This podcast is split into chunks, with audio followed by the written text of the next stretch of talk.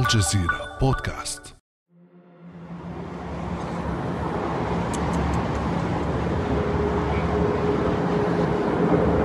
شو هو هيدا الصوت؟ يا مشحرة فوت فوت فوت ع إيمان فوت. فوت فوت. فوت يا!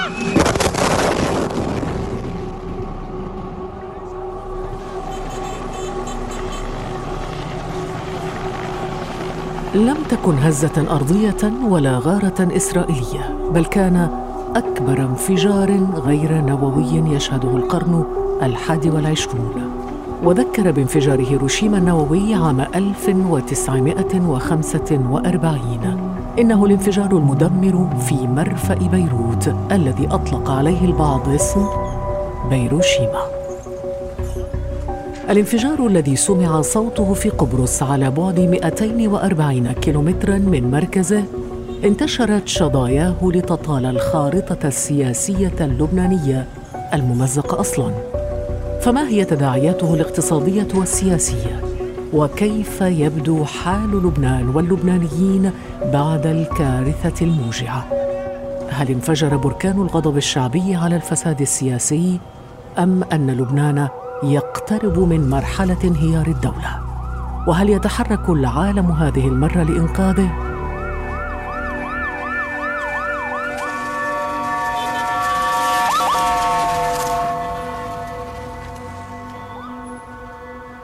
بعد أمس من الجزيرة بودكاست. أنا خديجة بن جنة.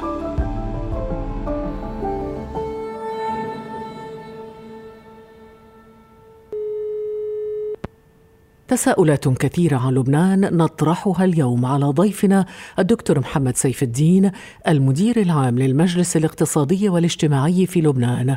أهلا وسهلا بك دكتور محمد. أهلا بكم سيدتي. مستعينا بتقنيات الفيديو يعقد الرئيس الفرنسي إيمانويل ماكرون مؤتمرا عاجلا للمانحين تتعهد فيه الدول المشاركة بتقديم 300 مليون دولار مساعدات عاجلة للشعب اللبناني عبر الأمم المتحدة.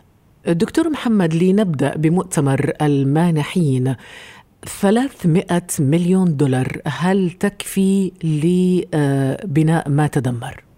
300 مليون دولار لا تكفي لمعالجة كل آثار الانفجار الكبير الذي حصل ولكنها يمكن أن تكون بداية لرفع الآثار المباشرة ولنجدة وإغاثة العائلات وأصحاب المصالح المتضررة بشكل مباشر. الآثار غير المباشرة هي الآثار الأكثر أذى للاقتصاد اللبناني في الفترة الحالية. البلد يعاني من أزمات مركبة ومتزامنة وقلما نجد أن بلدا يعاني من أزمات بمثل هذا القدر وهذا الضغط على اقتصاده وعلى شعبه. وأزمة نقد وانهيار سعر صرف الليرة مقابل الدولار 1500 ليرة مقابل الدولار إلى ما يفوق 9000 ليرة مقابل الدولار في الأشهر الماضية وما ذلك من انعكاسات تضخمية وانعكاسات في زيادة أسعار السلع الأساسية وكل السلع.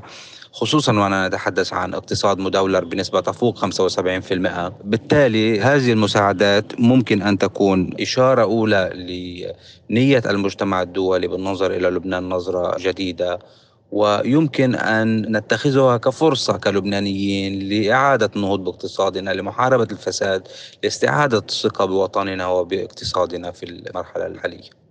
يعني دكتور انهيار الليرة انهيار الاقتصاد الديون وتتجاوز ربما 92 مليار دولار أزمة كورونا ثم جاء انفجار مرفأ بيروت ليزيد الطين بلة هل هذا الدعم الدولي الممثل في هذه القيمة وهي 300 مليون دولار يعني يمكن أن يخفف ولو جزئيا من ثقل الكارثة؟ بالتأكيد في المرحلة الأولى خصوصا في الأعمال الإغاثية وأعمال يعني إغاثة الناس والمتضررين بشكل مباشر سوف يفيد هذا الدعم.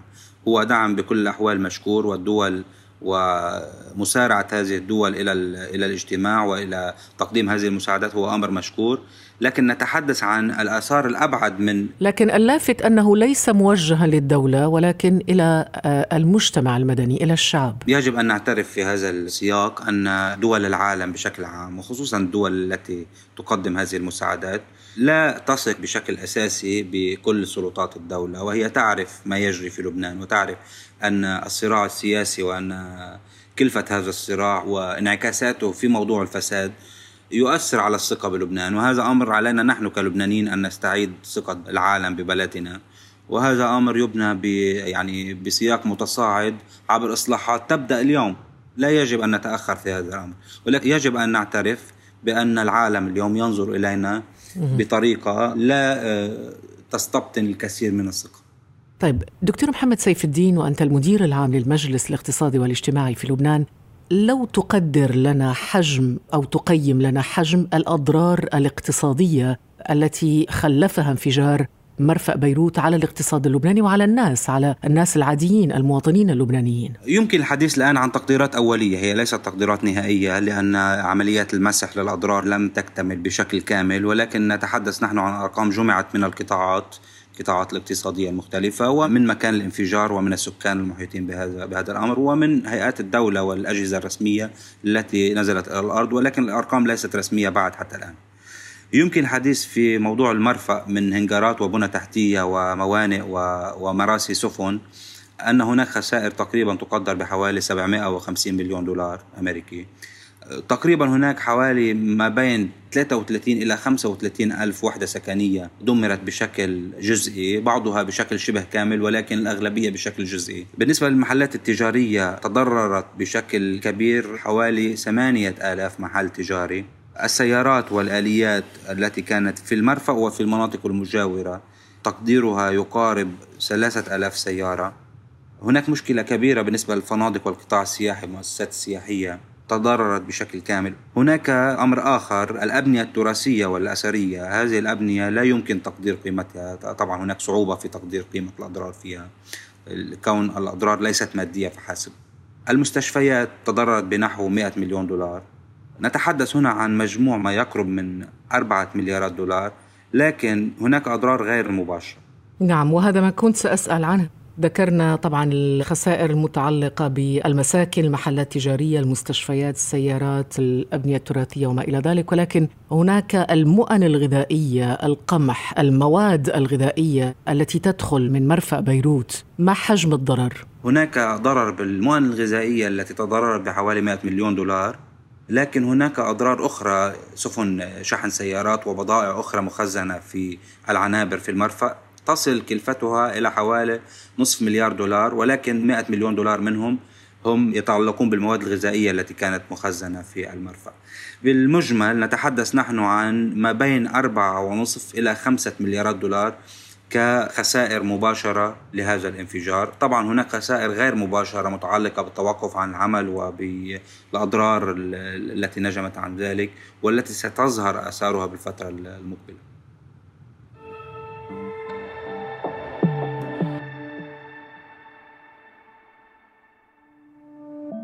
ابدأ بالاستماع الآن ولا تنسى تفعيل زر الاشتراك الموجود في تطبيقك لتصلك حلقاتنا اليومية فور صدورها. ابقى على تواصل مستمر مع الجزيرة بودكاست عبر صفحاتنا على فيسبوك، تويتر وإنستغرام.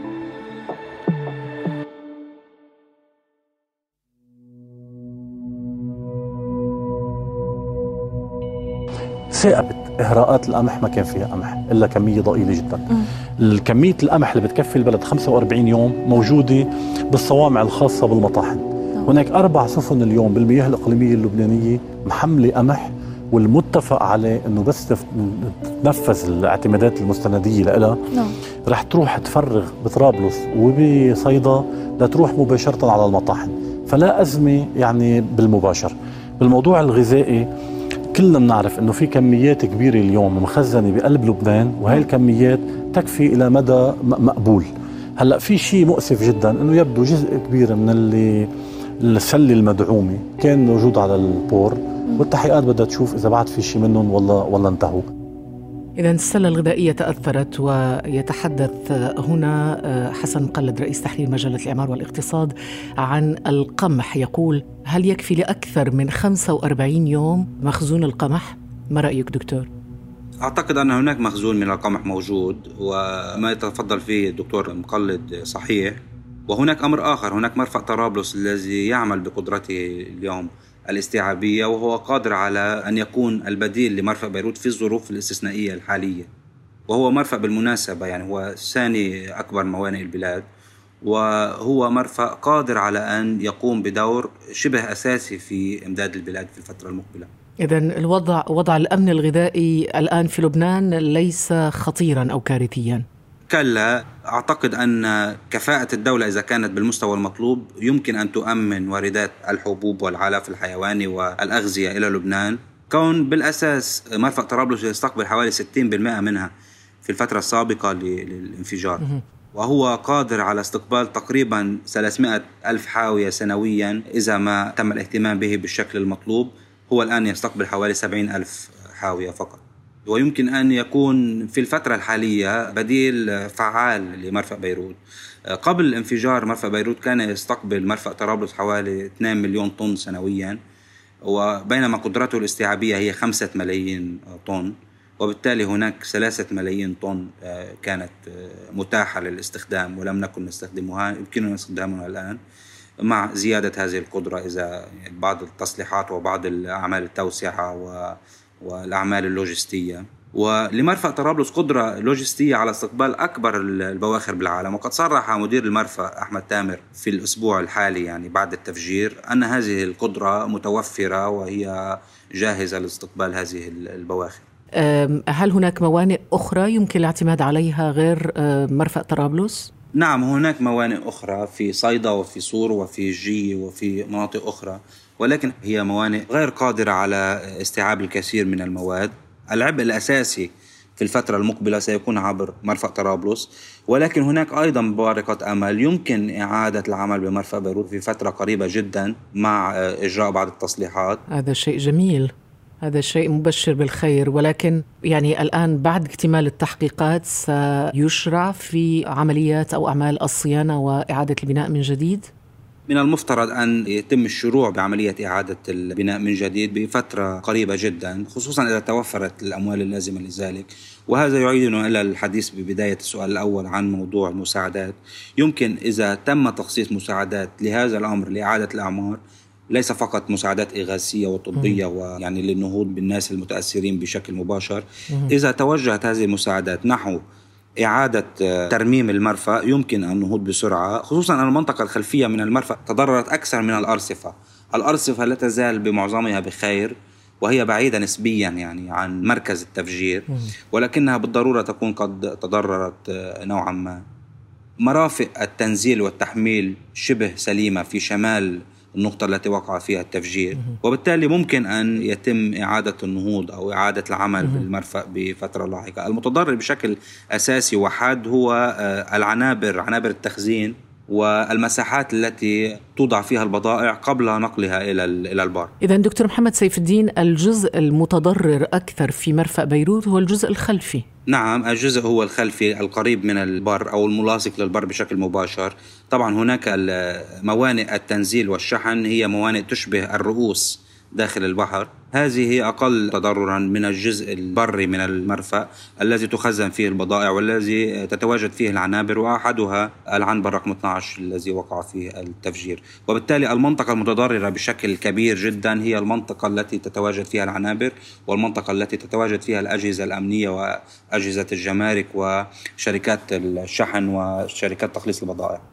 لكن ما ذكرته قبل قليل دكتور محمد سيف الدين من عمليات يعني إعادة بناء وترميم وصيانة وكل هذا مرتبط بوصول الأموال التي وعد بها لبنان من طرف الدول المانحة ولكن عودتنا الدول المانحة في مؤتمراتها دائما أن هذه الأموال الممنوحة تأخذ مسارا طويلا وربما لا تصل في آفاق زمنية قريبة ماذا لو تأخرت؟ إذا تأخرت هذه المساعدات فنحن أمام مشكلة خصوصا أننا بالفعل أمام مشكلة سابقة لموضوع التفجير وكنا نتحدث عنها منذ قليل. أعتقد أن النهوض بالمرفأ هو حاجة وطنية سيادية وحاجة وطنية أساسية. لموضوع الأمن الاقتصادي والأمن الغذائي والأمن المجتمعي. وبالتالي فإن الدولة اللبنانية ملزمة بأن تعيد هذا الأمر إلى سكته الصحيحة بفترة قريبة جدا بصرف النظر عن المساعدات. ولكن المساعدات يمكن أن تساعد لبنان الذي يمر في ظروف صعبة في الفترة الحالية على آه، سرعة إعادة النهوض. لكن نشعر اليوم أن هناك التزام دولي بالنظرة إلى لبنان. هناك عودة إلى الاهتمام بالشؤون اللبنانية بشكل مباشر وبشكل سريع. طبعا هذا الأمر مرتبط بالملف السياسي وبالسياق الجيوسياسي الدائر في المنطقة ولكن يمكن أن نراهن على نوع ما من الالتزام للبنان أصدقاء كثر حول العالم وأعتقد أنهم لم يتخلفوا في فترات سابقة إن كان الدول العربية وإن كان الدول الصديقة للبنان. علينا قبل ذلك وبعده بالدرجة الأولى وبالمقام الأول أن نساعد أنفسنا كلبنانيين أن نقوم بالإصلاحات المطلوبة على المستويات الإدارية وعلى مستوى مكافحة الفساد لأن هذا الأمر يؤشر بشكل مباشر وحاد على فرصنا في إعادة النهوض. شاهدنا دكتور محمد أيضا مبادرات مجتمعية جميلة في الحقيقة تجاوزت كفاءة الدولة نفسها، شاهدنا المئات من الرجال والنساء يتوجهون عقب الانفجار إلى المناطق المدمرة قرب الميناء وفي المرفأ في مبادرات جميلة قدموا فيها يد العون للمتضررين، ما رأيك بهذه المبادرات دكتور؟ أعتقد أن هذه المبادرات التي قام بها المتطوعون من أبناء الشعب اللبناني صغارا وكبارا ورأينا من جميع الأعمار ومن جميع الفئات. تعبر عن شخصية الشعب اللبناني وتعبر عن انتمائه لبلده وتعبر عن المحبة لهذا البلد خصوصا في أوقات الشدائد والأزمات. يهمني أن ألفت في هذا المجال إلى أن المجلس الاقتصادي والاجتماعي بمبناه وبمقره قد تضرر وتدمر بشكل كبير جدا وقد استفدنا من هذه المبادرات في إعادة رفع الأنقاض وفي تنظيف المكان وفي إعادة ترتيب المكان. لقد سبق الناس الدولة وأجهزتها في مد يد العون للمتضررين. وجزء كبير من رفع آثار هذا الانفجار الكبير تقوم به الناس بشكل مباشر.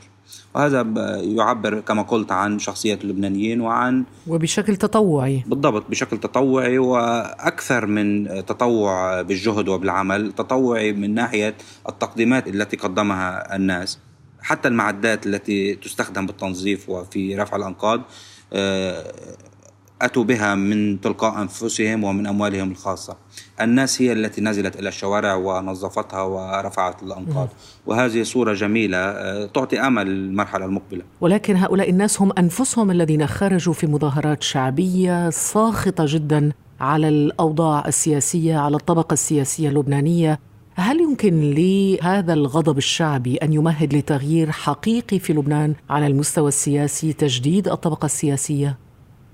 بالتأكيد نحن متجهون إلى إلى دولة أخرى. هذا أمر أصبح مفروغا منه وهذا أمر أصبح أكيدا.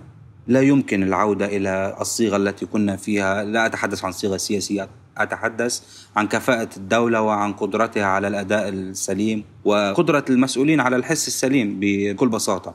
لكن يهمني أيضا أن أن أشير إلى نقطة. المتطوعون الموجودين اليوم في الشوارع الموجودون اليوم في الشوارع وفي المؤسسات والذين يقومون برفع الأنقاض. هم ليسوا فقط من الذين يتظاهرون هم من كل أطياف الشعب اللبناني. وهم آه، يعني كل اللبنانيين اليوم شعروا بأنهم معنيين بشكل مباشر وبشكل حقيقي وقد مسهم هذا الانفجار في آه، في مشاعرهم الوطنية وفي مشاعرهم تجاه أشقائهم داخل داخل الوطن. كل الشعب اللبناني اليوم موجود ويساعد. ويقوم بتحمل هذه الأعباء. إذا لم يكن هذا الالتفاف الشعبي وهذه الهبة الشعبية باتجاه مساعدة الدولة على رفع الأعباء التي نجمت من الانفجار كافيا لتصحيح الأوضاع ولإعادة عمل الدولة بالطريقة التي يرغب الناس بأن يرون الدولة عليها فنحن أمام مشكلة كبيرة.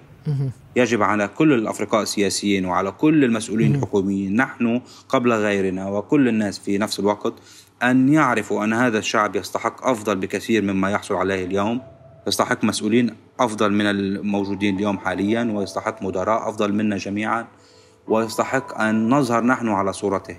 لكن أنت دكتور محمد كرجل اقتصاد ترى لبنان اليوم متجها إلى أين؟ لبنان اليوم متجه إلى الوجهة التي نأخذه نحن إليها بكل بساطة. يمكن أن يتجه إلى الأسوأ ويمكن أن يتجه إلى الأحسن. الأمر متوقف على إرادة اللبنانيين وعلى ما يفعلونه بناء على تلك الإرادة. شكرا جزيلا لك دكتور محمد سيف الدين المدير العام للمجلس الاقتصادي والاجتماعي. كنت معنا من بيروت. ألف شكر لك دكتور. شكرا لك ولجميع المستمعين. كان هذا بعد أمس.